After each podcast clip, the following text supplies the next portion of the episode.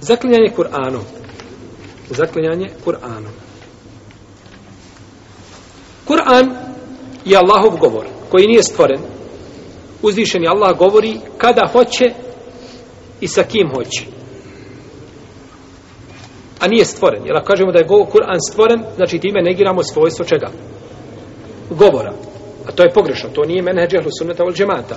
Menheđehlu sunnata ol džemata jeste da potvrđuju a, znači Allahov govor kao, jeli kao svojstvo.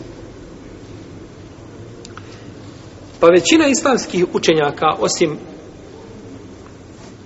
našeg velikog imama Ebu Hanife, rahimahullahu ta'ala, smatra da je dozvoljeno da se zakonemo Kur'anom.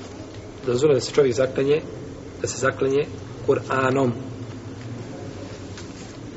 I da ta zakleta biva validna.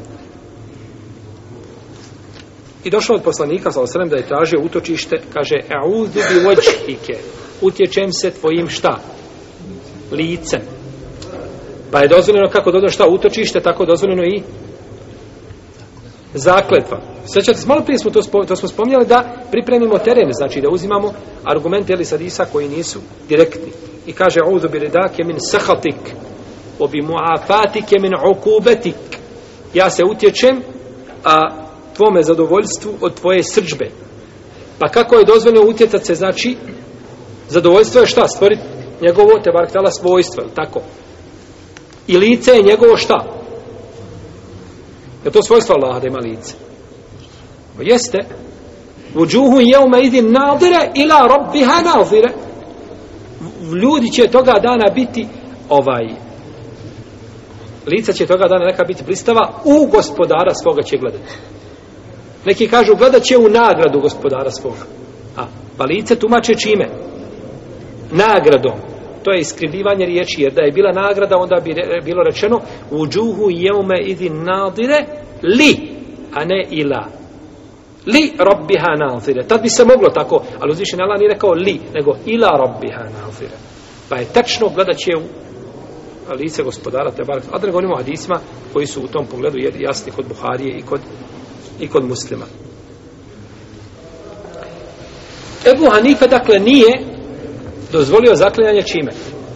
Kur'anom. Nije dozvolio zaklinjanje Kur'anom. Međutim, neki učenjaci iz poznijih generacija Hanefijske pravne škole, kao što je Ibn Hammam, koji umro 681. hiđarske godine i kao što je Imam Bedurdin El Aini koji umro 855. on je bio suvremenik Ibn Hađara oni su odabrali mišljenje Džumhura u Leme koji kažu da je dozvoljeno čovjeku da se zaklinje čime? Kur'anom.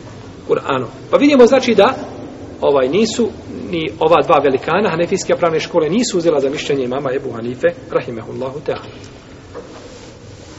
Ako bi se čovjek zaklinjao mushafom u smislu da se zaklinje sa listovima i mastilom koji je ispisan i koricama, to je zabranjeno. Time se ne smije. Ali ako kaže tako mi Kur'ana, a cilja Allahov govor, dozvoljeno je. Jel u redu? No, međutim, pored toga, preče je čovjek da se ne zaklije tako. Bez obzira što je Džumuru Leme dozvolio, preče je jer mnogi ljudi ne znaju šta, čime se zaklinju. Pa mogu upasti u, znači, šerijetsku suprotnost. Pa je onda bolje da kaže, recimo, vallahi i završeno. Ha.